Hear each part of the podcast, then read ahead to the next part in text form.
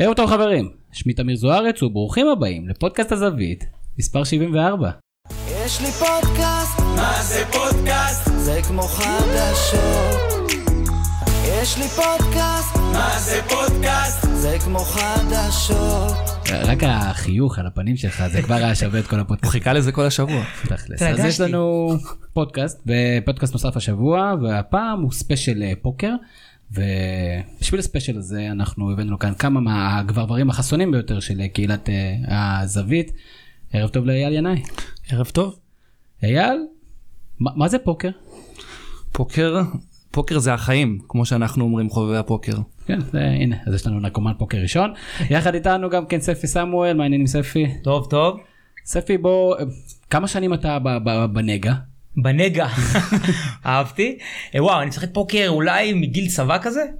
אבל אה, צריך לדעת שאתה לא בן 22. אז כן כאילו. 34 כבר כן חסר כמה שערות על הראש.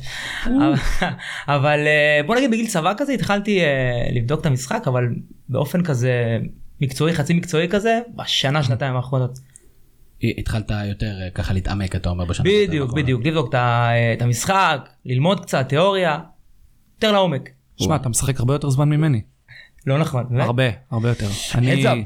יחד איתי ברק קורן אה, מפיק הפודקאסט ואנחנו נרצה להבין אה, קודם כל למה אנחנו בכלל עושים פודקאסט פודקאסט הזווית אה, אנחנו פודקאסט של אתר ספורט כמובן הזווית.co.il ופודקאסט שסוקר אירועי ספורט ואייל אתה יש לך טור באתר שלנו לא מזמן עושה האם פודקאסט זה ספורט. אז פוקר. מאוד מעניין אותי לדעת. גם פודקאסט זה ספורט, אבל זה פוקר. אבל אם פוקר זה ספורט זה עוד יותר מעניין וחלק מעניין האם פוקר זה ספורט. אז את הדעה שלי, מי שלא קרא עדיין את הטור שלי מוזמן אה, לקרוא. אה, קודם כל, האם זה ספורט או לא, זו שאלה שאין עליה תשובה חד משמעית. אה, קראתי הרבה הרבה תגובות והרבה הרבה ביקורות גם על הטור שלי, הרבה אנשים שאמרו, אני בחיים לא אסכים, אסכים איתך שזה ספורט, שזה סבבה.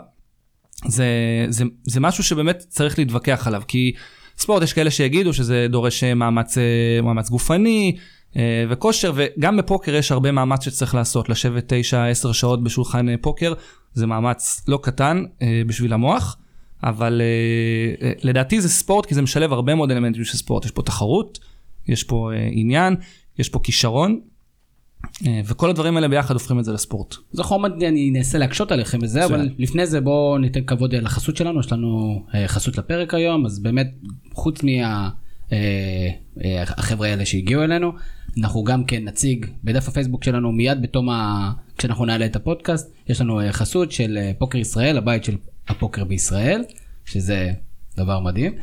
ואנחנו מהבחינה הזאת גם כן נחלק. אחד מהגולשים שלנו יזכה במזוודת פוקר אה, מפנקת כמובן מפנקת מאוד. וססגונית, ואפילו צבעונית. מתנת פוקר ישראל הבית של הפוקר בישראל. אתם יכולים לחפש פוקר ישראל בגוגל קצת להבין על מה מדובר. וחוץ מזה אנחנו נעשה משחקון קטן תהיו uh, ככה קשובים לדף הפייסבוק שלנו ואנחנו uh, נגריל מזוודת פוקר. שאגב כן. פוקר ישראל היא גם המפיקה של ליגת הפוקר הישראלית ונרחיב עליה קצת בהמשך אבל יש להם ליגה מדהימה. אז דרך אגב אה, ספי אולי זאת גם טענה של הנה יש ספורט כי יש ליגה איזה באיזה מקום יש ליגה ואין ספורט.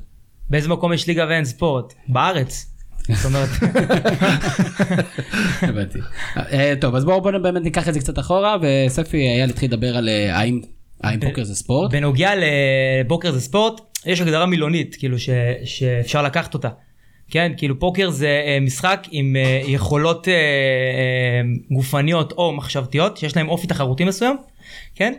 אז אפשר להתווכח על זה, זה ההגדרה המילונית, אפשר להתווכח על זה עד מחר, כן, לא, לקחת את זה אם זה יותר גופני, פחות גופני, יותר מנטלי, פחות מנטלי. העובדה שמשחקים פה בסופי שבוע חצי מיליון אנשים, זה משהו שאי אפשר להתעלם ממנו. אלה המספרים? אלה המספרים, אלה פחות או המספרים. יותר. כן. חצי מיליון איש? האקדמיה לספורט עשתה איזשהו, לא מחקר אקדמי כי הם לא באמת אקדמיה, נשמע כמו מחקר ממומן. אבל הם עשו מחקר מאוד מאוד גדול, הם הגיעו למסקנה שמאות אלפי, באזור ה-400-500 אלף ישראלים משחקים מדי יום חמישי בעיקר, אבל סופי שבוע, משחקים פוקר בישראל. כלומר חצי מיליון איש הם בטירוף של המשחק הזה, ואם כבר אנחנו כבר פותחים את זה, חצי מיליון איש עושים משהו שהוא לא ברור אם הוא חוקי, לא חוקי. רגע רגע אתם אתם רצים לי קודם כל ברק אה, ככה כותב לי שאם קרלינג זה ספורט אז גם פוקר זה ספורט. גם ברידג'. מוגדר ספורט. גם שחמט. אחת הטענות כנגד אה, פוקר והיותו וסיווגו כספורט זה כמובן אלמנט המזל שבכל זאת אה, אני- גם אתה כתבת אצלך בטור שאתה יודע כשאתה מגיע משחק שמשוחק ב- בבית בבית המזל מה שנקרא ב- בבית. הימורים בקזינו אז כמובן שהמרכיב המזל הוא חשוב אבל האם אה, בעיטה של מושיקו לוגסי מ-30 מטר למשקוף בדקה 97 זה לא מזל? אז כמו שרשמתי אה, אה, בטור שלי, קודם כל הוא משוחק אמרת בבית, ה, בבית המזל בקזינו, אבל יש מקומות בעולם שהימורים לא חוקיים ופוקר כן, לדוגמה בלוס אנג'לס, ב, בקליפורניה, ושם אין, אין קזינו, יש בתי פוקר, מועדוני פוקר, אבל זה משהו אחד. זאת פוקר, אומרת יש הפרדה חוקית ב- המחוקק הפריד בין נכון. הימורים לבין פוקר. כן, הוא לא מאשר שם בלק ג'ק, הוא לא מאשר שם אה, רולטה, אה, קרפס, כל המשחקים שמשוחקים בקזינו, אבל פוקר אפשר. למה? כי בארצות הברית, מדינה שהיא קצת יותר מתקדמת ומתוקנת מאיתנו בעניין הזה, הבינו כבר מזמן שפוקר הוא משחק יכולת מובהק. אה, מבוסס על הרבה מאוד מחקרים אה, סטטיסטיים, הרבה מאוד אה, התבוננויות באליפויות עולם, בתוצאות, בסקורים של שחקנים. אה, בסופו של דבר אי אפשר להגיד אחרת, ואני כל כך נחוש בעמדה הזאת, כי אני שומע הרבה פעמים את, ה, את הטענה הזאת שזה משחק של מזל. בוא ניתן לו קצת דוגמאות מה- מהספורט שלנו. ספי, אתה יודע, תן לי איזה כמה דוגמאות מהספורט שלנו, אתה יודע מה זה, תן לי את זה. אתה יודע מה? בוא ניקח גביע. גביע המדינה. כן, אומרים משחק אחד הכל יכול לקרות, נכון? נכון. אז קח את המשחק הזה ששעריים פוגשת את מכבי תל אביב, או לא יודע מה, בוא ניקח גביע ספרדי, לא יודע, חטאפה פוגשת את ברצלונה, לכאורה הכל יכול לקרות במשחק אחד. קרה והיא הייתה הפתעה. חטאפה ניצ- ניצחה, לא יודע, שעריים ניצחה. אותו דבר יד, אתה משחק יד, הכל יכול לקרות. אבל אם תיקח את אותה יד, ואתה מוביל בתוכנית שלך, מוביל באחוזים שלך, ותתפוס אותה על 10, 100, 1,000 פעמים, לרוב מי שיותר טוב, הוא ינצח. אותו דבר בכדורגל, אותו דבר בכדורסל. פוקר, לטווח קצר, כן, אפשר להגיד שזה משחק של מזל. אבל לטווח ארוך אין ויכוח בכלל, ולראיה, כל ההישגים של שחקנים, כל הטבעות, יש קטע כזה שאתם מגיעים נגיד לטורניר ואתם אומרים "אה, בערב נתון אני יכול אה, לנצח אותו? בערב יש- נתון- יש את ה- יש את הקלישאות ספורט זה האלה? זה מה שאופי בדיוק. בפוקר. כן, כן, זה מה שיפה בפוקר. יסכים איתי. אתה קודם כל, קודם כל, כמו שהוא אמר, מקצועני פוקר משחקים, ואני גם, כלומר צריך להבין ששחקני פוקר מקצוענים משחקים עשרות אה, שעות בשבוע, משחקים מאות אלפי שעות בשנה של פוקר, אז משחקים המון המון משחקים. חלק מהמשחקים, ברור, הם משחקים טוב ומפסידים, כי יש פה את אלמנט השונות, אלמנט המזל. מכבי תל אביב, מכבי חיפה יכולות להיות מצוינות, מכבי חיפה קצת פחות. הפועל באר שבע יכולה, פשוט זו הקבוצה שלי אז אני חייב מדי פעם... אה, אל תדאג אני אתן. לך, אני אתן אגב, לך. כן. הסטטיסטיקה אומרים בכדורסל תמיד מת- מתיישרת, כן? נגיד קבוצה שקולעת באחוזים מטורפים מהשלוש במחצית אחת, במחצית השנייה אומרים הסיכוי שזה יקרה עוד פעם הוא לא סביר, כן? אז אותו דבר בפוקר, הסטטיסטיקה מתיישרת בסופו של דבר. אתה, כמה אתה יכול לרוץ רע? אתה משחק נכון? כמה אתה יכול לרוץ רע? בסוף האחוזים יהיו. תהליך. בוודאי. יש תהליך, כן, וזה מגובה בתוצאות, עובדה, אה, פיל אלמיוס, שיאן הצמידים של אליפות העולם, כשאתה זוכה בטורניר של אליפות העולם אתה מקבל צמיד, אה, זכה 14 פעמים. אני רגיל שצמיד זה שתייה חופשית. כן, לא... במקום אחר זה כן סבבה. אוקיי, יש אה, גם קזינואים שהצמיד הזה גם אתה יכול שתייה. חופשית? כן, בטח. ברוב הקזינואים זה שתייה חופשית, זה אחד הדברים הכיפים. כן. אה, נכון. פיל הלמיות' זכה 14 פעם בטורניר של אליפות העולם. עכשיו טורניר של אליפות העולם זה טורניר שמכיל מאות וברוב הפעמים גם אלפי שחקנים. כמה מזל יכול להיות לפיל הלמיות' שהוא זכה מלא, זכה 14 פעם בתור אחד מתוך 500 אלף 3,000 שחקנים. אתה לא יכול לשחזר 14 פעם מזל ככה זה לא אם המשחק הוא מבוסס על מזל אתה לא יכול לשחזר את זה. אז שוב יש גם את הביטויים כאלה התחת של פיל וזה איזה מזל יש לו יש ביטויים כאלה? גם לא. גם לשחקנים טובים מגיע לפגוע לפעמים, לא? רגע אני רוצה להמשיך עם הביטויים רגע יש נגיד כזה לליגה יש חוקים משלה? לפלופ לפלופ יש אה, חוקים משלו. לפלופ, כן לגמרי יש חוקים משלו. וכן זה גם משפט שאפשר להגיד. כן, והאירוע המטורף שהיה אה, בהיסטוריה של הפוקר לפני אה, אה, ארבע וחמש שנים, שמרק ניוהאוס, מקצוען אה, פוקר, הגיע פעמיים רצוף לגמר אליפות העולם, שזה טורניר של 6,000 ומשהו שחקנים. שנתיים רצוף הוא הגיע לתשעה האחרונים. אם אתה תקתק את זה במחשבון, תעשה 9 חלקי אה, 6,000, אה, תעשה את זה back to back, כלומר כפול. אתה תקבל 0.00000 משהו. אז יגידו שזה חד פעמי, סבבה. אבל השנה ושנה שעברה הגיע אה, שחקן בשם, אה, נראה לי, כן, מייקל רואן, הגיע שנה שעברה מקום רביעי והשנה הגיע מקום עשירי. גם, כמה צירופי מקרים כאלה יכולים להיות? פוקר הוא משחק יכולת אה, מובהק ואותי יהיה קשה להסיט מה, מהטענה הזאת. אגב, יש, יש דברים שאם אני מפרק את אלמנט המזל, אז יש דברים בפוקר שאין מה לעשות, אין לך שליטה עליהם. קלפים שאתה מקבל, הקלפים שנפתחים, אבל יש דברים שיש לך שליטה עליהם ושליטה טובה, ואם אתה לומד את התיאוריה כמו שצריך ויכול לקבל החלטות נכונות לטווח הארוך, אתה יכול לנצל את זה, את הידע שלך. אתה מבין? אני, מבין, אני מתחיל להבין. לאט לאט. אבל רגע, שנייה, אני רוצה להבין על מה אנחנו מדברים. אז אל תעשה לי קצת שנייה סדר בין אה, משחקי הפוקר. אה, כשהיינו קטנים היה פוקר אחד, אה, לא יודע, הפוקר מבחינתנו היה ארבע, ארבע ספרות, היה אנטי פוקר, פוקר קרה. אז בוא כן. תספר לי איזה פוקר אתה, אה, על איזה פוקר אנחנו מדברים ומהו הפוק, הפוקר הפופולרי ביותר. אוקיי, אז הפוקר שאנחנו מדברים עליו בכלל היום כשתגיד פוקר לרוב אתה תתכוון, תתכוון- תתכוון ל Texas Hold'em. עכשיו פוקר, רוב הפוקר אגב שאני, לפני שאני הכרתי Texas Hold'em, הפוקר שאני הכרתי זה פוקר חמישה קלפים, זה הפוקר שאנשים אה, אה, מכירים, שיש לך חמישה ביד, אתה יכול להחליף אחד, לקחת אחד, אבל הפוקר שהיום מדברים עליו הוא Texas Hold'em. Texas Hold'em זה וריאציה של פוקר, יש משחק שנקרא איומה, יש deuce seven, אה, יש חמישה קלפים, כלומר יש הרבה אה, אה, וריאציות, אבל Texas Hold'em זה הווריאציה הפופולרית ביותר, היא מאוד מאוד אה, פשוטה, בגלל זה גם צברה פופולריות.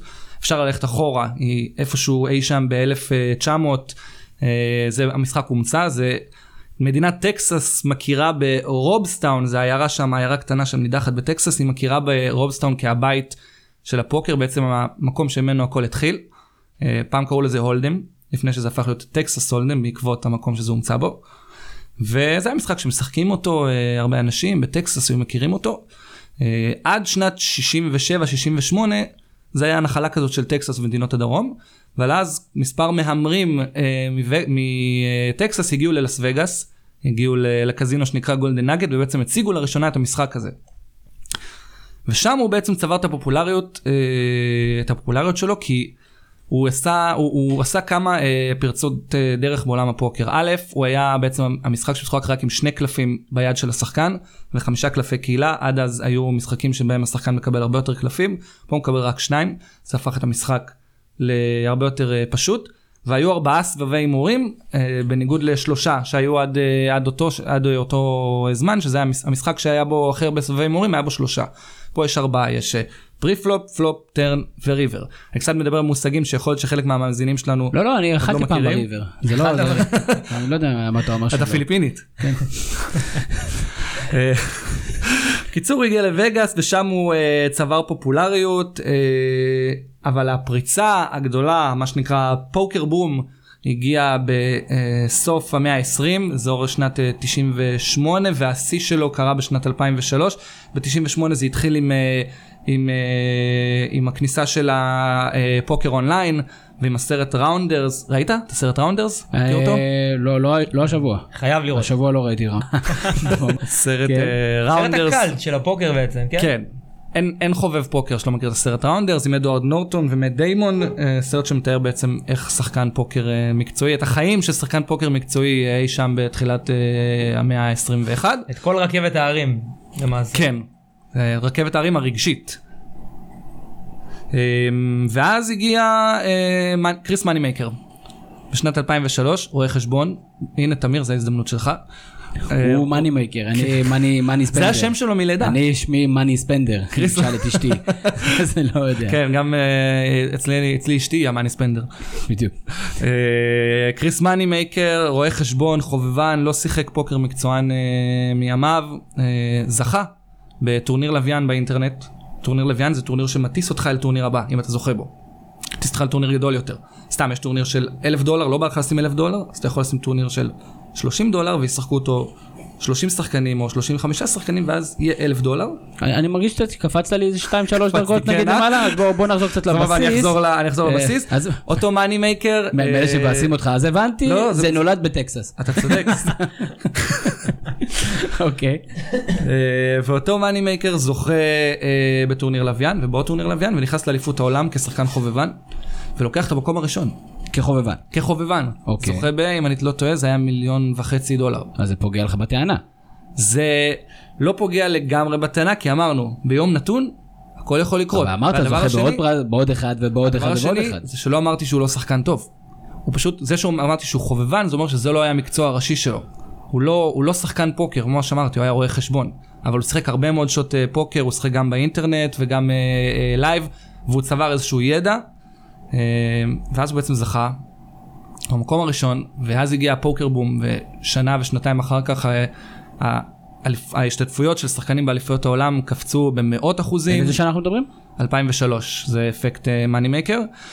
ואז נכנס הפוקר, אה, אמרתי, נכנס לחזק הפוקר אונליין, ונכנס הזינגה פוקר בפייסבוק. אז בוא נדבר על זה שנייה ספי, זינגה פוקר, מה, מה זה עושה ל, לא יודע, לפוקר ואיך זה עובד וכמה זה באמת דומה בכלל, כמה זה מדמה בכלל פוקר. לא, זינגה פוקר זה פוקר לכל דבר. זה משחק שלמעשה כל אחד יכול לשחק אותו, וזה פוקר לכל דבר, זאת אומרת, הפייסבוק השתלט ועשה אותו יותר פופולרי למעשה וקידם את הפוקר למעשה. דרך אגב, אה, אין- העובדה לא חשובה, יש לטקסס הולדם בפייסבוק 65 מיליון עוקבים. זאת אומרת, רק שנבין את סדר הגודל, זה בערך אה, שליש מהלייקים של ריאל מדריד. אז הפייסבוק. עשה, כן, יש טענה ש... שהיום טקסס הולדם זה המשחק הפופולרי ביותר בעולם, יש כאלה שיגידו את זה, אפשר להתווכח על זה. יותר מכדורגל נגיד? כן. יש שיגידו כן, יש שכן. אפשר להתווכח על זה שוב. אז בוא נתווכח על זה, אני אגיד לך שלא. אני, קודם כל, אני חושב שמבחינת הכסף שהדבר הזה מכניס, אני די בטוח שהוא מכניס יותר כסף, הוא עסק הרבה יותר רווחי מכדורגל. לכל uh, בעלי הקבוצות, בעלי האצטדיונים, זכויות השידור, הכסף שהולך בפוקר, אנחנו פשוט מדינה שלא כך חשופה, כי זה לא חוקי פה, וכי אין פה תרבות פוקר אמיתית. אבל כמות הכסף שפוקר מגלגל בשנה באירופה ובארצות הברית ובמזרח הרחוק, ששם סצנת הפוקר היא מאוד מאוד חזקה, הכל שם חזק, אז אל תרגיש. כן, זה נכון. הם אירועים, אה, גם טלטאפי שם חזק. בוא, ת- ת- תן לי קצת. גם תמגוצ'י.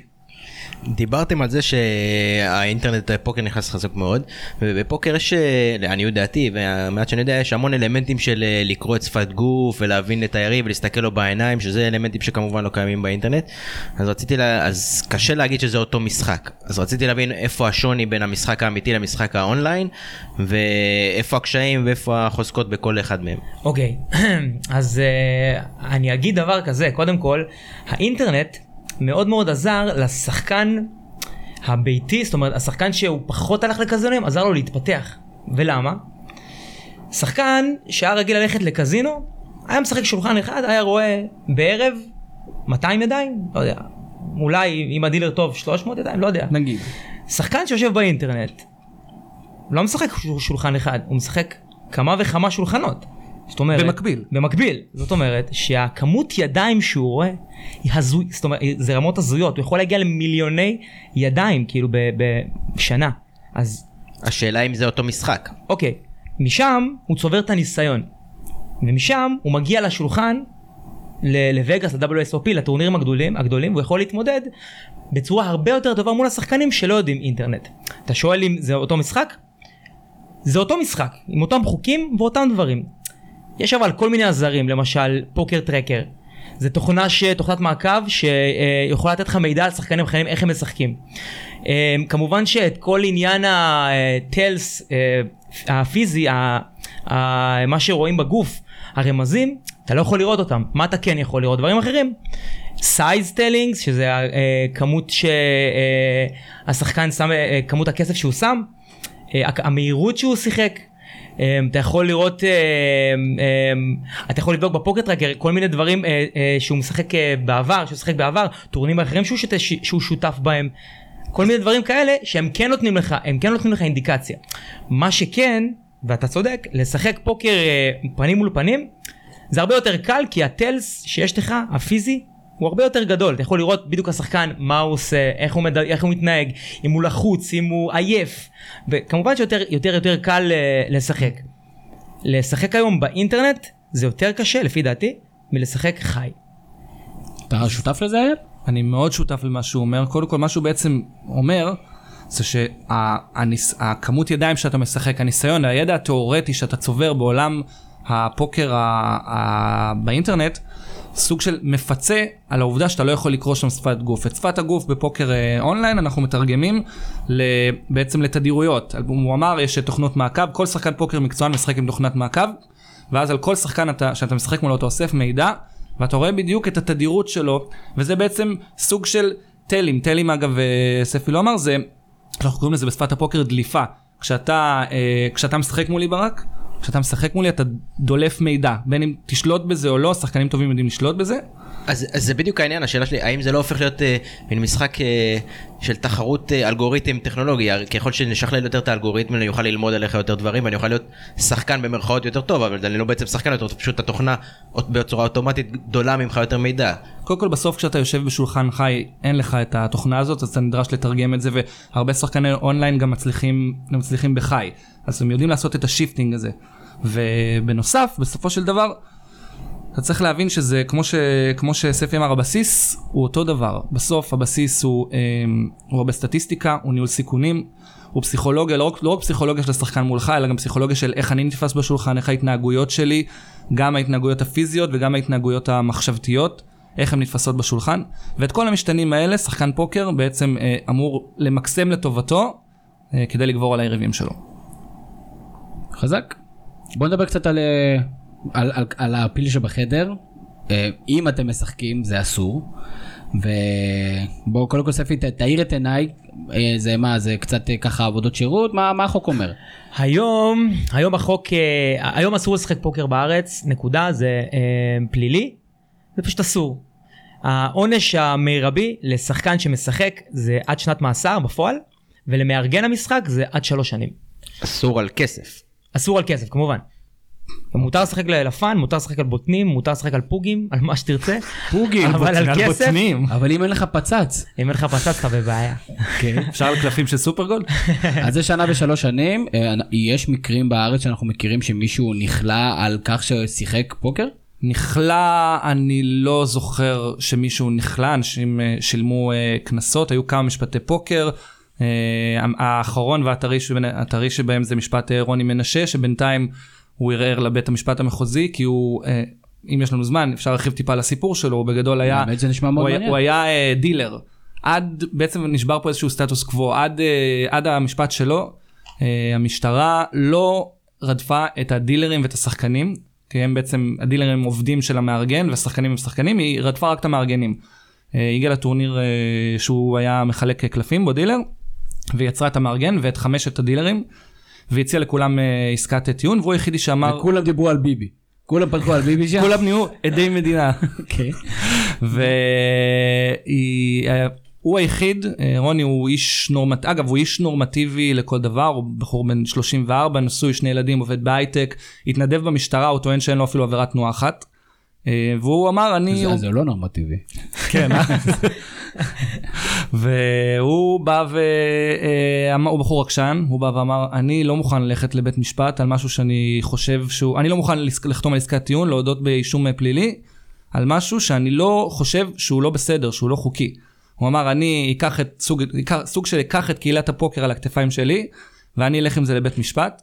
הוא הלך עם זה לבית משפט השלום בתל אביב, הוא עשה, אה, הוא גייס הרבה מאוד מומחים לטובתו, את, אה, את האקדמיה לפוקר אה, ועוד כמה, אה, ו, ועוד כמה אה, עורכי דין אה, מאוד חזקים לטובתו. הם הפסידו במשפט, והוא אמר אין בעיה, אני הולך עם זה למחוזי. ועכשיו הוא ערער לבית משפט מחוזי ומחכים, אבל זה משפט שהוא, יש, יש עליו המון המון המון משקל על עתיד הפוקר בישראל. כן, שוב, אבל אם החוק אומר שאסור, אני לא יודע כמה, כמה החקיקה תהיה בגב שלו. זאת אומרת, זה כבר יהיה עניין של חקיקה, ולא עניין של... אה, זאת אומרת, אין, אין פה איזה פירוש של סעיף. אז אומר, החוק אומר, אסור לשחק. אז, אז, אז אני, א', אני מסכים עם מה שאתה אומר, זה מה שהחוק אה, אומר, ובאמת, כ, כחלק מההכנות למשפט, אז הרבה מהאנשים של קהילת, פוקר, קהילת הפוקר הבינו שאי אפשר, יהיה לעצור את זה רק בבית משפט, אלא צריך ללכת פה לאיזשהו מהלך של, אה, למהלך שהוא מעבר, למהלך שהוא פוליטי, ליצור איזשהו קמפיין אה, מאוד גדול להסדיר את הפוקר בישראל. אה, האקדמיה לפוקר מובילה אותו, איזה לוביזם כזה. איזה לוביזם, כן, הם לקחו משרד אה, לובינג ומשרד יחסי ציבור ומשרד עורכי דין, והם עכשיו עושים קמפיין אה, משלמים להם בצ'יפים. בקרדיט, בקרדיט. אה, כן, בסרטים שאני ראיתי, וגם בגלל מה שאתה אומר, בגלל האפרוריות של החוק, או הרבה יותר מזה אפילו, יש איזה תדמית, או לפחות אה, ככה אני חושב, תדמית של, אה, של אה, סצנת הפוקר שהיא משוחקת במחש... במחשכים, וגם האוכלוסייה עצמה שמשחקת אותה, זה אנשים מסוג מסוים, ואוכלוסיות מסוימות.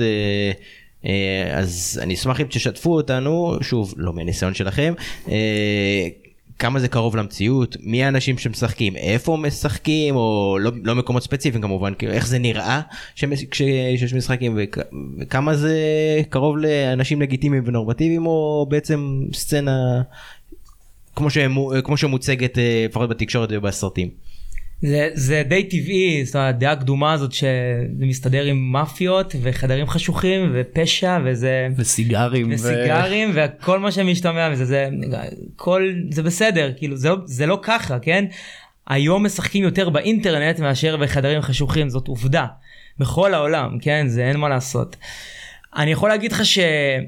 הרבה הרבה אנשים בין נוער בני אה, בין נוער ו, ומבוגרים מנסים לקחת את הידע הסטטיסטי שלהם ולנצל אותו. זאת אומרת לשחק פוקר נצלני. ללכת ולאנשים האלה שאתם מתארים שהם משחקים במחשך, בחושך ולא יודע פשע והכל פשוט לנצל אותם אה, על זה. אם תלך ל-WSOP אתה לא תראה את האנשים האלה של הסיגרים וה... לא יודע מה. אתה תראה אנשים נורמטיביים שבאים אה, למקסם את הידע שלהם ו, ולעשות כסף. כאילו זה כל כך כאילו שנות התשעים של אנשים סמים וזה והכל הפשע זה זה ממש לא בכיוון. היום בוא נגיד שפוקר זה uh, הכסף הכי קל שהכי קשה לעשות כן? אז המטרה גם בפוקר זה לקבל uh, את ההחלטות הנכונות ההחלטות הנכונות. מי שרוצה להמר בחדרים חשוכים בהצלחה. אתה לא תעשה מזה כסף אתה תהנה אולי לא יודע אתה תפגע פעם ב... אבל אם אתה יודע את הסטטיסטיקה ואת התיאוריה ואתה לומד טוב, אתה תעשה מזה ים כסף. בסוף בארץ, קודם כל, לא רק בארץ, בכל מקום שבו משהו הוא לא חוקי, לא מוסדר, אז קודם כל צריך להגיד, יש משחקים ומקומות שבהם משחקים, ב, כמו שנקרא, במחשכים ומקומות אפלים, אה, יש מקומות כאלה, כי, וזה אחת הסיבות שאנשים רוצים לשנות פה את המצב של הפוקר בארץ, כי מי שירצה, מי שירצה להמר, מי שירצה לשחק פוקר, ימצא, ימצא לנו את המקום לעשות את זה, ואז הוא יהיה במצב אה, אה, לא נעים, אם הוא רוצה להמר על כסף, הוא יכול ללכת למקומות שבאמת המאפיה מנהלת אותם ונותנים שם אה, קרדיט, אשראי לשחקנים על כסף שאין להם. אה, אבל יש הרבה מאוד מקומות בארץ שמשחקים פוקר חוקי, לגיטימי, לא על כסף אה, לצערנו, כי זה לא חוקי פה, אבל על פרסים. אה, יש את ליגת הפוקר הישראלית, אמרתי לכם, של אה, של פוקר ישראל, של שנקרא פדרו פוקר טור, שרץ בין ברים בארץ, עסק חוקי, לגיטימי, חברה שמוציאה, אה, שמשלמת שכר לעובדים שלה וחשבוניות, חברה בעם. מה ההבדל בין לחלק כסף לבין לחלק פרסים? אז אה, אני נכנס פה קצת לעניינים המשפטיים, אבל כאשר בעצם החברות האלה לא מגדירות את עצמן כחברות, הן לא מגדירות את עצמן כמארגן משחק פוקר, אלא כבעצם חברת אירועים. בעצם עושים את זה בברים, במקומות של אירועים, מציעים גם שתייה חינם לשחקנים, בעצם... אה, עם הצמיד. מה? עם הצמיד. כן, עם הצמיד, של השתייה חינם, של הפנג'ויה. בעצם אתה משלם על האירוע. אתה משלם על האירוע, אתה משלם 200 כן. שקל אה, אה, כניסה לאירוח, כמו שיכול להיות שם טורניר בינגו שהוא חוקי, אז הם באים ואומרים, יש לי פה טורניר של פוקר.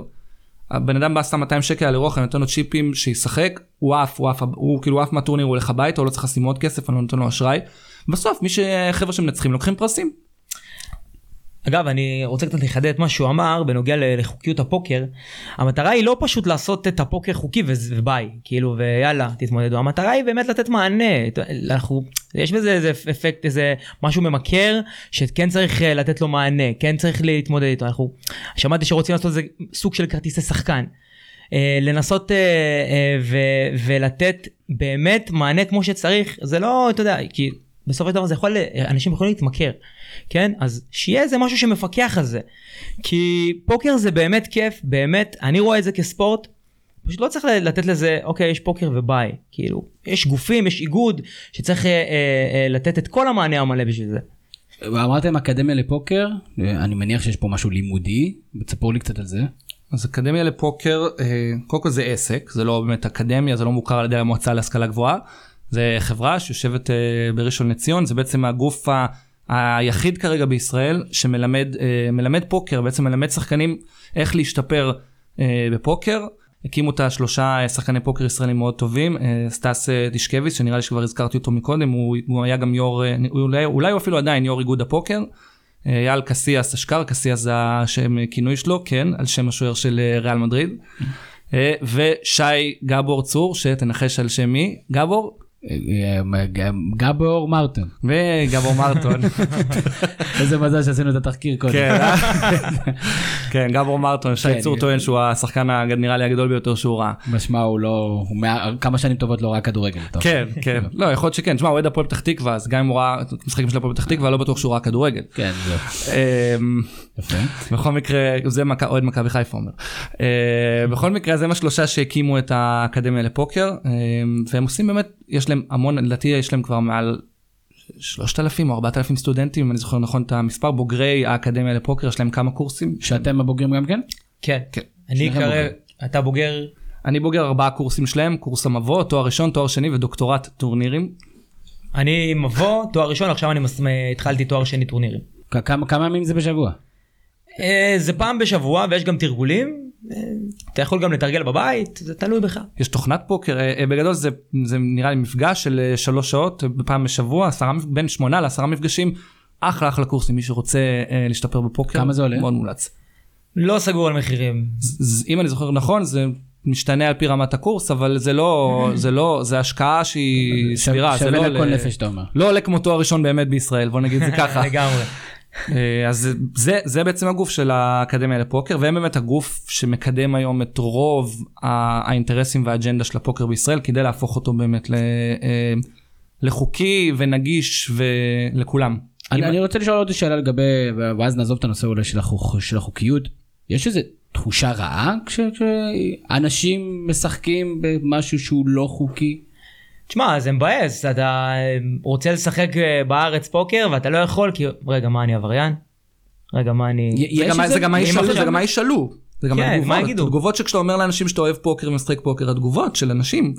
מה, פוקר זה חוקי? מה, אתה הולך ואז במקומות של... התשובה שלך היא- היא לא. אז ו- אז- ו- אז ואז התש-. ואז התשובה היא, התשובה שלי למקומות שאני הולך לשחק בהם זה חוקי, אבל כן, יש גם פוקר לא חוקי, דיברנו על זה. אה, אבל תשמע, היום אנשים מסתכנים בימי חמישי שהם הולכים לשחק, ל- לקבל איזה תלונה של רעש, ופתאום דופק איזה מישהו על הדלת, פתאום שוטר נכנס, רואה שאתם משחקים פוקר, אתה עושה משהו פלילי. אז זה מבאס, זה לא כיף, אבל זה משהו שהוא נתון כרגע, ואני מקווה שישנו אותו.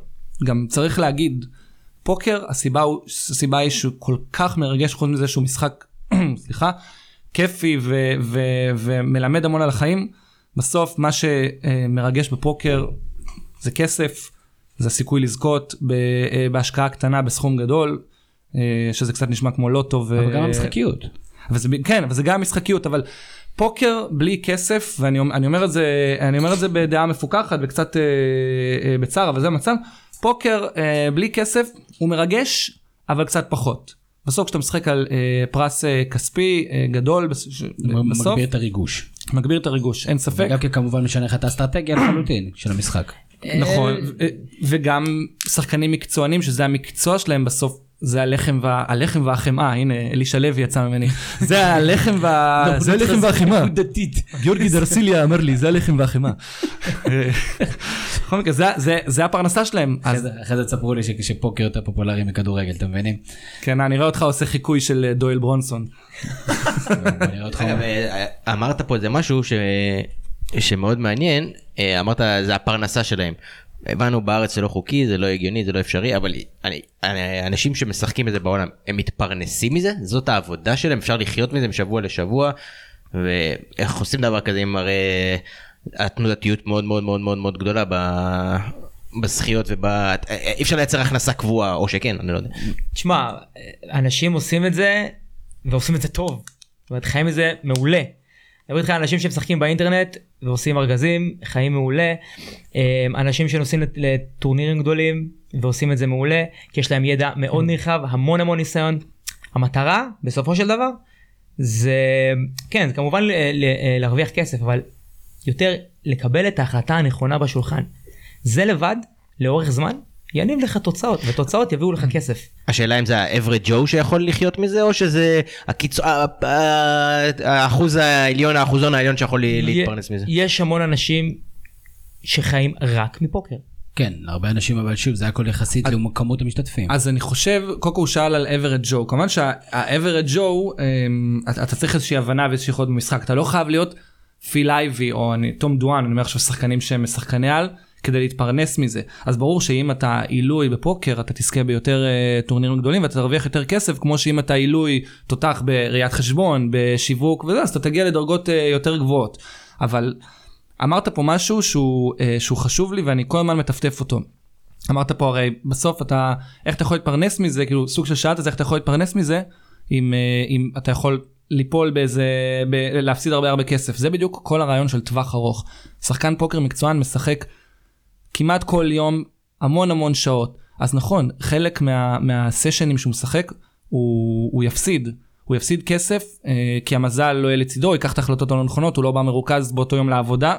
אבל בסוף אם אתה שומר על יכולת וקונסטנטיות קונסטנטיות לאורך אה, זמן ואתה לוקח את ההחלטות הנכונות אז כמו שספי אמר הסטטיסטיקה מתאזנת התוחלת היא... תוחלת הרווח היא גבוהה. יש דבר כזה תקופות, מומנטומים, למשל מכבי חיפה, שבסלאם זה לא משנה מה הם עושים, הם לא מצליחים לצאת ממנו, אז אם אתה, ואין לך פה את מי להאשים, אין את המאמן, אין את השחקנים, אם אתה בתקופה כזאתי, יש דבר כזה מאמן פוקר אגב. אה כן, שחקן זה- שמאמן אותך. אוקיי, אז אפשר לפטר את המאמן, אבל אה, את המנהל אי אפשר לפטר, נכון. אז אז יש דבר כזה מומנטום, ואם כן, אה, מה עושים כדי לצאת ממומנטומים? ספי תספר לו מה זה לרוץ רע. כן, תשמע, זה לרוץ רע, זה קורה, זה יקרה, זה קורה לטובים ביותר, אין מה, זה חלק מפוקר, כן? זה, זה, חלק, זה חלק מהמשחק, פשוט צריך לקבל את זה באהבה. כל עוד אתה משחק נכון. אני לא מדבר רק על לקבל את, אה, אה, את ההחלטות הנכונות בשולחן, כאילו, יש את הצד הפסיכולוגי, להגיע מוכן למשחק, לישון טוב, לאכול טוב. כל זה, בנוסף ללקבל את ההחלטה הנכונה בשולחן, זה מה שאתה צריך לעשות. אם תעשה את כל זה עם הידע התיאורטי ולא ילך לך בפוקר, אני לא מאמין שזה יקרה. אה, שוב, אפשר להשליך את זה גם לספורט, למשל קבוצה שלא הולך לה, שוב, מכבי חיפה, אז אתה טוע- טוען שהיא צריכה לעשות את אותו דבר שוב ושוב ושוב ושוב ושוב ושוב ושוב, בהנחה, שוב, מה זה טוב? טוב, אי אפשר לדעת מה טוב, אבל אה, להמשיך לעשות אותו דבר עוד פעם ועוד פעם ועוד פעם ועוד פעם, ובסוף התוצאות יגיעו. תהליך, trust the process. אגב זה היופי ש- זה היופי בפוקר שלרוב בניגוד לנגיד כדורגל. בפוקר אתה לרוב יודע אם לקחת את ההחלטה הנכונה או לא אתה יכול לשבת אחרי זה לתחקר להכניס את, ה, את הנתונים או את, ה, את הקלפים ואת מה שקרה במשחק לתוכנה והיא תגיד לך אם לקחת את ההחלטה האופטימלית או לא זה אגב משהו שהוא הרבה יותר אה, נוח מכדורגל בהיבט הזה.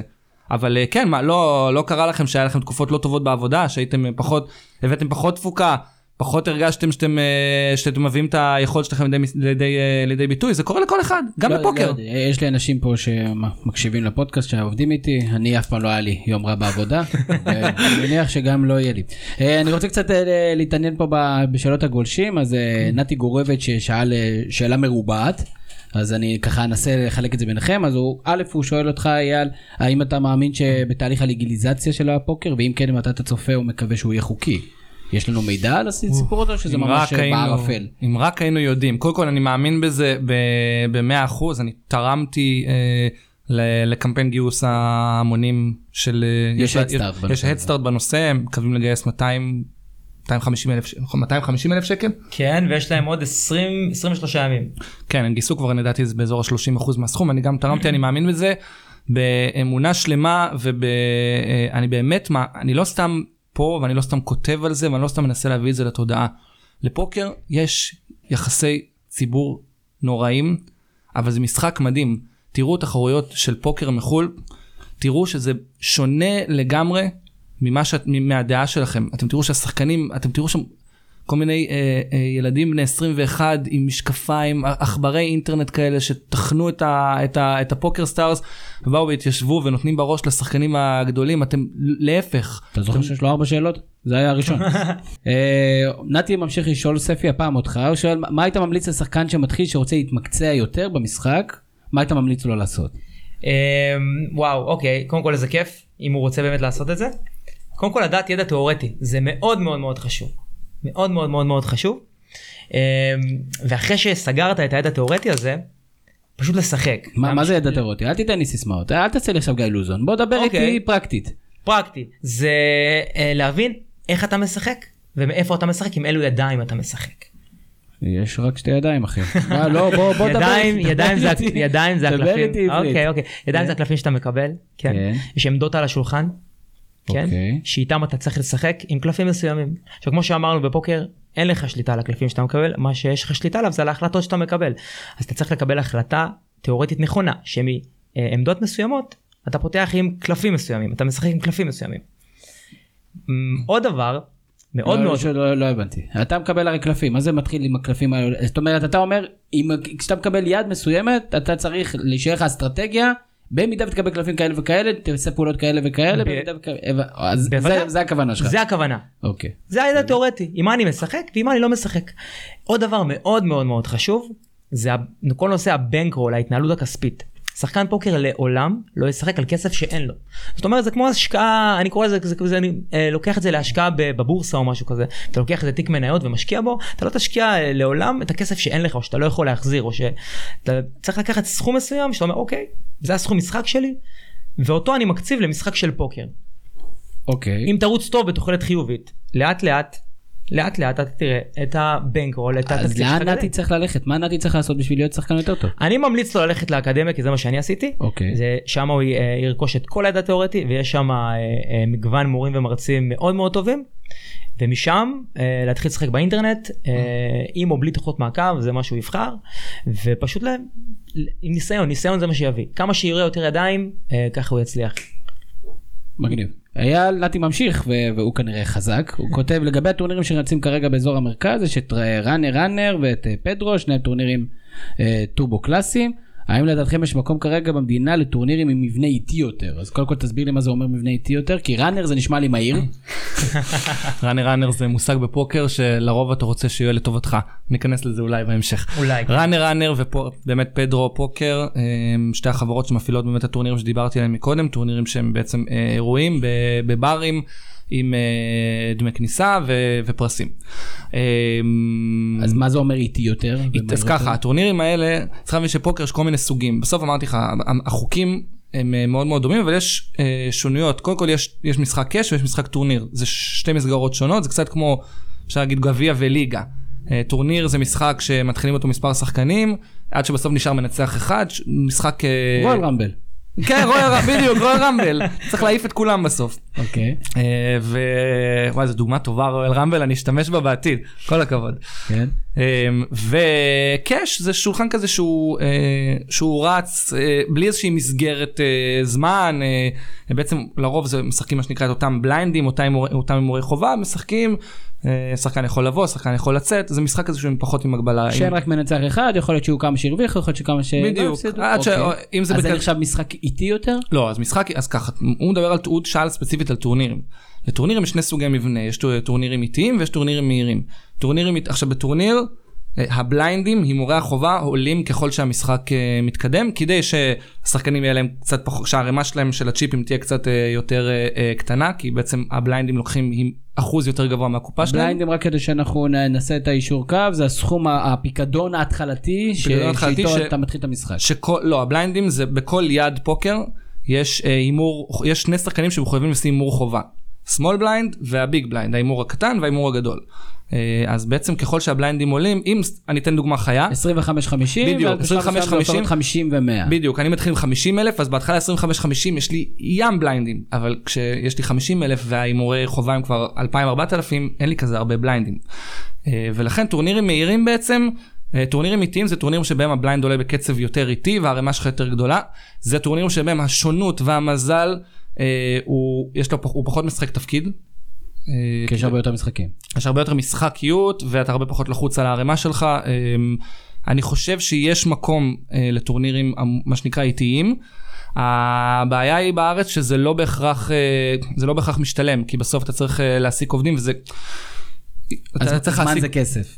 בדיוק, זמן שווה כסף, אתה צריך לסיים את האירוע, אתה משלם לבעל מקום, אתה צריך לסיים את האירוע באיזשהו שלב מסוים, אתה צריך לקפל את העניינים, אתה צריך שהטורניר יגיע לסיומו.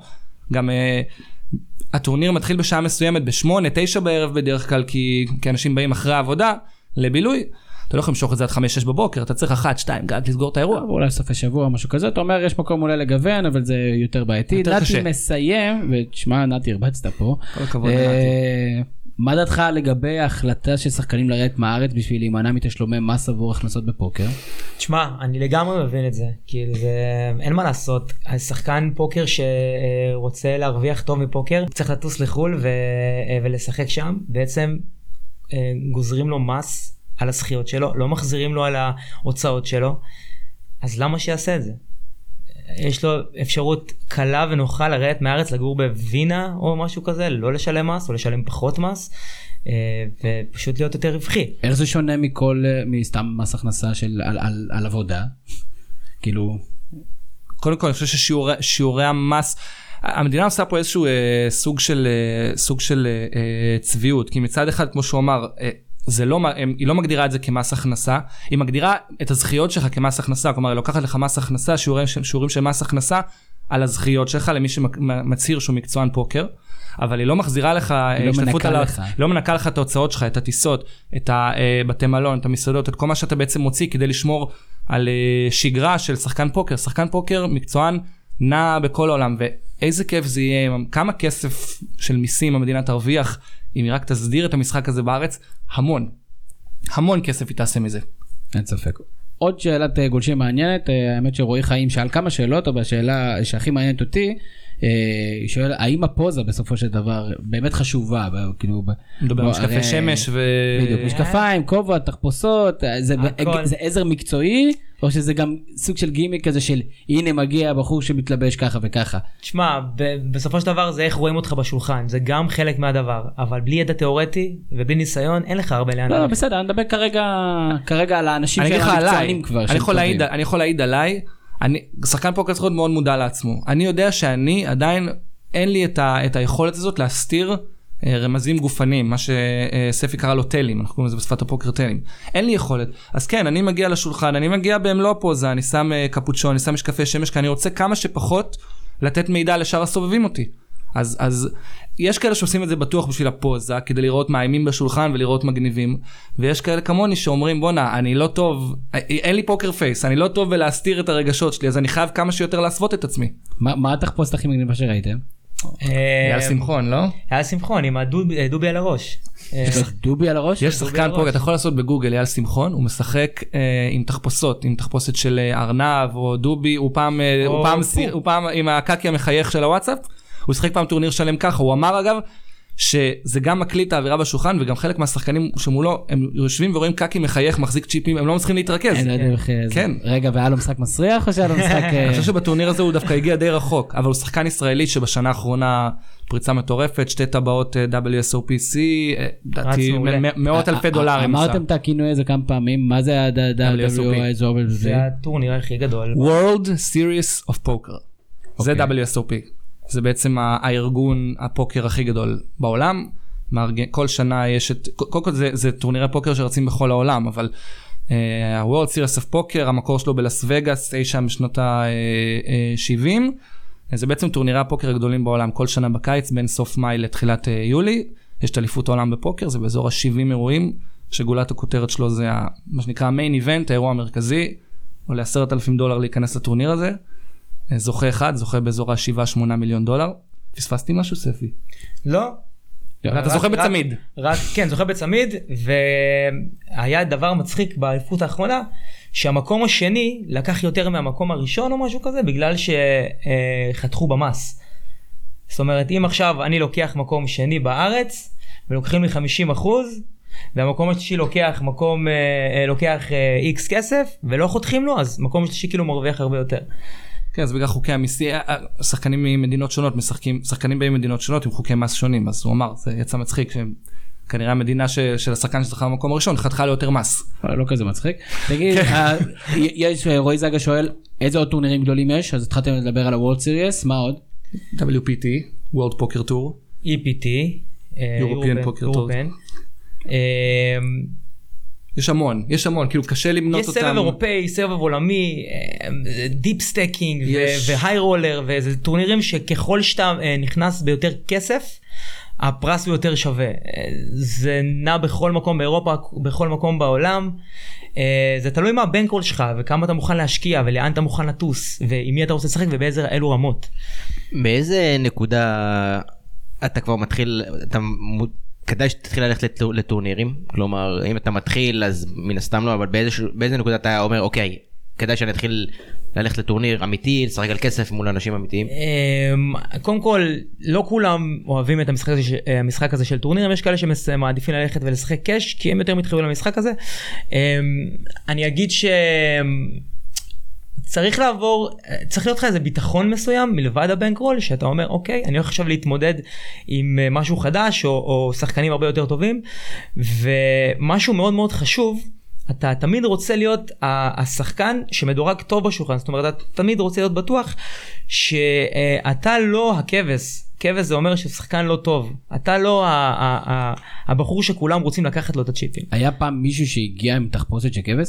היה היה בוודאי היה באקדמיה. באקדמיה הישראלית לפוקר כן. כי גם בטורניר פור, פור היה עכשיו טורניר פורים ב- בהרבה מקומות כאילו היה גם באקדמיה וגם בהרבה מקומות בארץ. בטוח מישהו הגיע מחופש לכבש. כבש זה יש כבש דג זה כינויים שנותנים כן. לשחקנים שלא יודעים לשחק. ומי שיודע לשחק איזה כינויים נותנים לו?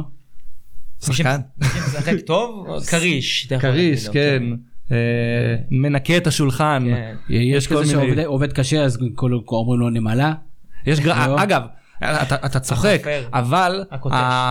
ה... יש מושג בעצם המושג שהתפתח בעקבות. הכניסה של האינטרנט של שחקנים שמשחקים מיליוני ידיים בשנה אה, נקרא מושג השחקנים האלה נקראים גריינדר כלומר טוחן כי הוא טוחן שעות וטוחן אה, אה, וטוחן את הפוקר עד שכבר אין לו כוח לראות את המשחק הזה לפעמים שקדן כאילו. שקדן כן זה נקרא grinder. אה, ש- שקדן יותר.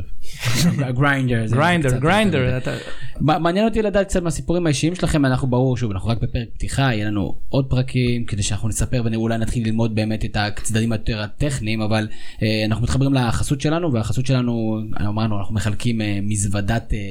אה, אה, מזוודת צ'יפים איך קוראים לזה? ערכת אה, פוקר, אפשר לקרוא לזה. כן, ערכת ערכת- פוקר זה נשמע כן. קצת כמו אה, תחפושת. זה נקרא מזוודת צ'יפים כי זה גם צ'יפים שבאים מתוך מזוודה אבל יש שם גם בדרך כלל כפתור של דילר ויש אה, אה, קלפים זה ערכה- אפשר כן, כן, חוץ משולחן יש הכל מקום שצריך. סמול blind, כן, כל מיני כן. זה, אז באמת כל מה שאתם צריכים בשביל לשחק, אה, לארגן ערב אה, נחמד וחוקי אה, בבית, ובאמת אה, פוקר ישראל, שזה הבית של הפוקר בישראל, אה, מסתבר, אז הם אה, בעצם אה, נתנו לנו את החסות, ומה שמעניין, אנחנו הולכים לפתוח בדף הפייסבוק שלנו הצעה לגולשים שלנו לבוא ולספר על ה- את הסיפור הכי יפה שהיה להם, את היד הכי מעניינת שהייתה להם, או את אה, אנקדוטת הפוקר שלהם, הסיפור המעניין ביותר יז- יזכה את, ה, את אותו בחור אה, או בחורה ב- בערכת פוקר, ועכשיו מעניין אותי מה, מה היד שלכם, מה היד הכי מעניינת שלכם, ספי. אמ, אני לא יד מעניינת היה לי אה, טורניר לא טורניר הייתי בקמבודיה.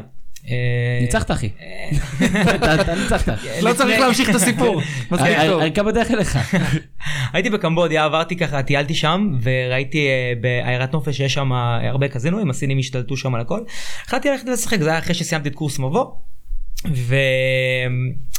אה, שיחקתי עם שבוע שלם, אה, הלך לי לא, אה, לא רע בכלל, בימים הראשונים הייתי קצת אה, מהוסס עדיין, זו הייתה הפעם הראשונה ש- ששיחקתי פוקר באופן מקצועי.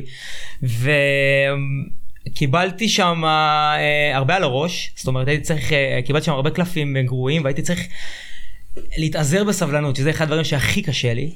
אה, אני בא במקור מהשחמט, זה עוד יותר קשה, כאילו לשחק בסבלנות. כן, אז... מעולם לא חשבתי בפודקאסט הזווית מישהו יגיד, אני בא במקור מהשחמט, ובגלל זה אני לא סבלן. לא, אני- אני קשה לי מאוד, תחשוב שבמשחקים של השחמט אתה משחק 5 על 5, 5 דקות על 5 דקות, אז המשחק רץ, רץ, רץ, אה, רץ. ואני רץ, אמרתי. חמישה שחקנים, חמישה שחקנים. לא יש היום- שח של אה, מימדים שאתה יכול לשחק שחמט תלת מימד. מה- העניינים? יש היום, מה נכון? העניינים? רואים מתקדם, עוד? איזוטרי אתם רוצים לעשות את הפודקאסט הזה? בקיצור, אה, אה, הבנתי מהניסיון שלי שרכשתי באקדמיה, שסבלנות זה חלק מהמשחק. חיכיתי וחיכיתי וחיכיתי וחיכיתי וחיכיתי עד שהגיעו לי קלפים. כשהגיעו לי הקלפים גם נכנסו שני סינים, קצת שטויים בוא נגיד. הם בדרך כלל שטויים. כן, בדרך כלל הם אה, שטויים ואוהבים לזרוק כסף. התיישבו לידי, הרחתי קצת את הריחות של האלכוהול, אמרתי אוקיי, זה הזמן כאילו אה, להתחיל, להתחיל להיות חד. אה, עברו עוד כמה ידיים, גם בדקתי שהם לא עושים אליי איזה סיבוב, לא משחקים אותה שיכורים. אה, אני מרים בזוג נמוך, הבחור הסיני אה, אחרי שהוא פרט 500 דולר אה, פותח אה, מהמר גבוה, אני משווה, הפלופ נפתח, אה, אה, אני פגעתי בסט, פגעתי אה, בזוג שיש לי ועוד קלף. אה, בפלופ, זה אומר, זה אומר שיש לי שלישייה. והוא... יד חזקה. יד מאוד חזקה, זה יד שכל שחקן שיש לו זוג נמוך ביד, הוא רוצה לפגוע. כאילו, הוא מחכה לזה כל הערב. והבחור הסיני החמוד דוחף כסף, דוחף, ו... עוד דוחף עוד ועוד ועוד ואני מרגיש כאילו זורקים עליי כסף. זורקים כסף. מארגז אותו, איך אומרים את כן. זה. מארגז. בסופו של דבר הוא פגע הוא נשאר עם הזוג king שלו ואני אה, פגעתי שם ב full. אה, כן.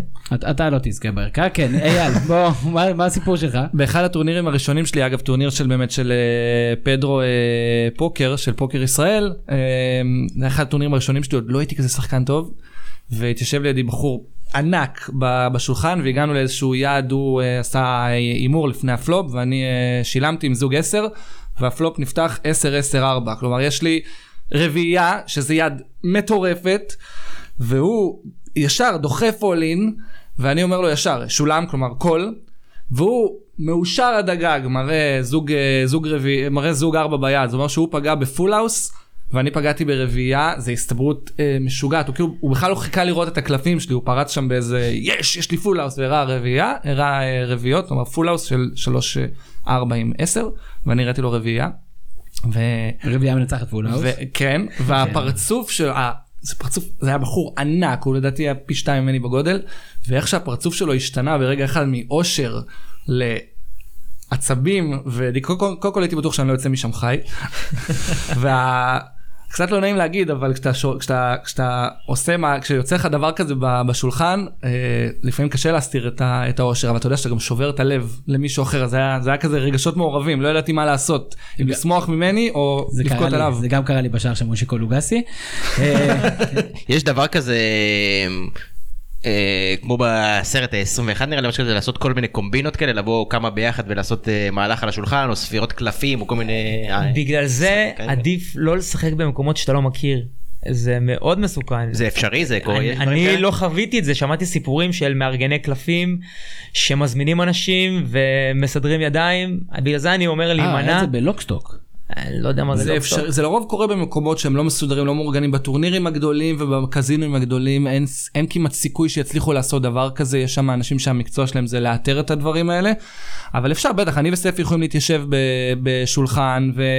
או לסמס אחד לשני, לתת בעיטות אחד לשני מתחת לשולחן, אז אם זה מקום שהוא לא מאורגן ולא מסודר לזה, אז כן, אפשר לעשות את הדברים האלה.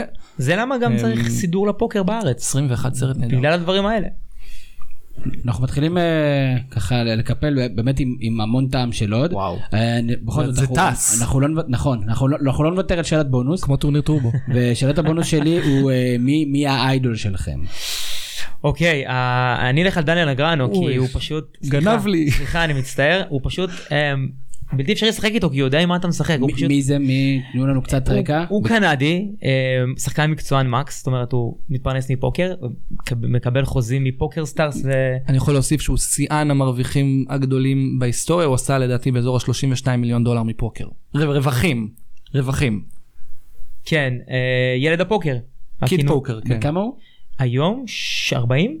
כן, משהו משהו כזה. כזה, משהו באזור 40. הוא פשוט אה, יודע עם מה אתה משחק, זאת אומרת הוא הוא מאוד טוב בלקרוא את היריב, אה, יודע מתי אה, לקבל את ההחלטה הנכונה, מתי להיכנס, מתי לצאת.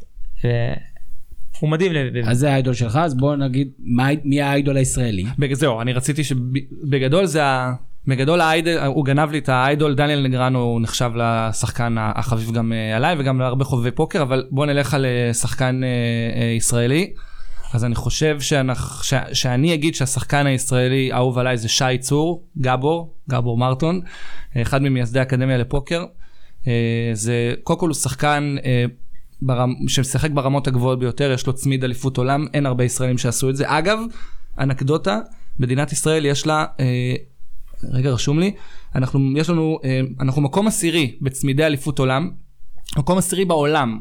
זה מעולה למדינה שלא חוקית. אנחנו מדינה היחידה ברשימה בטופ אה, נראה לי 20 שפוקר לא חוקי בה, אנחנו מקום עשירי בצמידי אליפות העולם. בכל מקרה הוא זכה באליפות העולם בקיץ האחרון והוא שחקן ישראלי פשוט מדהים והוא גם בחור חביב שזה לדעתי מאוד מאוד חשוב כי אנשים באים לפוקר כדי ליהנות ולבלות. אם אתה יושב עם שחקן שנעים לשבת איתו וכיף להיות איתו זה הופך את החוויה לכפולה ומכופלת. אגב נעים לשבת איתו נשים בפוקר.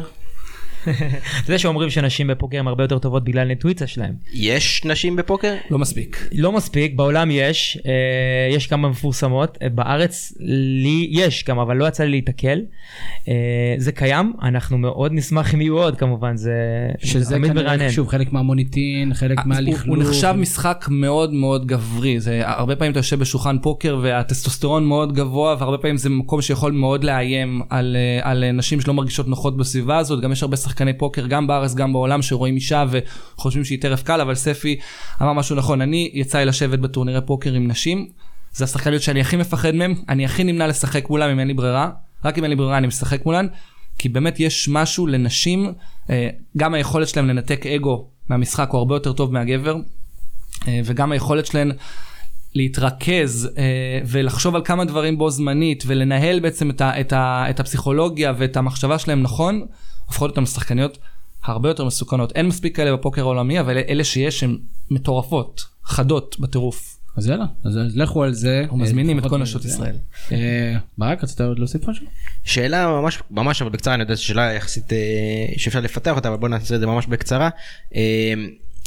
אה, האם משחק הפוקר הייתם ממליצים אותו לאנשים בתפקידים מסוימים או איזה יכולות אני בתור ברק יכול לקבל לחיים האישיים שלי אם אני אשחק פוקר האם אני יותר חד בעבודה במ- במקומות במקומות מסוימים או איזה יכולות הפוקר יכול להוסיף לי שוב בקצרה. שאלה מעניינת. שאלה מצוינת. אני, אני חושב שבתפקידים שאתה מקבל החלטות טובות בזמן אה, לחץ אה, או בזמן קצר, זה, זה, זה, זה מתאים לאנשים כאלה, אני חושב, או לאנשים שיש להם יותר סבלנות, אה, אנשים שיכולים לנתק אגו, כמו שאייל אמר. זאת אומרת, זה יכול לעזור להם לנתק אגו, זה יכול לעזור להם. בוודאי. בקבלת החלטות, יפה. מי שמשחק אה, פוקר עם אגו לרוב לא מגיע רחוק. אה, פוקר הוא באמת כמו שספי אמר אני, זה בדיוק מה שרציתי להגיד הוא משחק של בסוף הוא מתבסס על קבלת החלטות. זה מיומנות נרכשת או שזה אופי שאי אפשר אה, אם אם אני בן אדם לא סבלני אני לא יכול לשחק. לגמרי נרכש, אם אני פיתחתי סבלנות, כל אחד יכול. באמת שכל אחד, הכל נרכש, הכל, הכל אפשר ללמוד. ברגע שאתה מבין מה הסבלנות הזאת נותנת לך וכמה היא הופכת אותך לשחקן הרבה יותר טוב, אז, אז, אז אין לך ברירה, אתה משתמש בה. אני יכול לשבת בטורניר ושעה לקפל ידיים, לא לשחק, לא לשחק, עד שיגיע המצב הנכון לשחק אותו, הספוט. מגניב. אז השארת לנו הרבה הרבה הרבה טעם של עוד, ואני רוצה להתחיל להיפרד מכם, לא לפני שאזכיר את החסות שלנו, אה, שאחד מכם יזכה במזוודת אה, פוקר או בערכת פוקר מפנקת מתנת אה, פוקר ישראל הבית של פוקר בישראל, אתם יכולים לחפש את פוקר ישראל בגוגל, ואנחנו מיד אה, כשהפרק הזה יתפרסם, תוכלו לחפש בדף הפייסבוק שלנו, אנחנו נעשה את התחרות הזאת, אנחנו נצפה מכם, הגולשים שלנו והמאזינים שלנו, לספר על. סיפור, הפוד, הסיפור הפוקר הכי מעניין, הכי מצחיק, הכי אה, מסקרן שלכם, והצוות שלנו, שמורכב מספר מאייל, יבחר את הסיפור המעניין ויזכה אתכם בערכת אה, בפרס, פוקר. מתנת. וזה מתנה. מתנת. אז אה, תודה רבה ספי סמואל. המון המון תודה, היה כיף. איזה כיף שאנחנו מארחים אותך לא לדבר על מכבי חיפה, אייל ינאי. פעם ראשונה, אני, היה ממש ממש כיף. כן, לא בסדר, לא פעם אחרונה. אה, אפשר גם לבוא לדבר על מכבי חיפה. נכון. נכון שנזמין אותך לפרק אה, אה, היפרדות ממכבי חיפה מהליגה, וברק קורן. אתם יכולים להאזין לפודקאסט שלנו גם כן באפליקציית אפל, גם באפליקציית אנדרואיד, גם ב SoundCloud, גם באתר, ובעצם בכל מיני אופציות. תודה רבה לברק קורן שעזר לכל הדבר הזה לקרות. אני הייתי תמיר זוארץ, שיהיה לכם המשך ערב נהדר. יש לי פודקאסט, מה זה פודקאסט? זה כמו חדשות. יש לי פודקאסט, מה זה פודקאסט? זה כמו חדשות.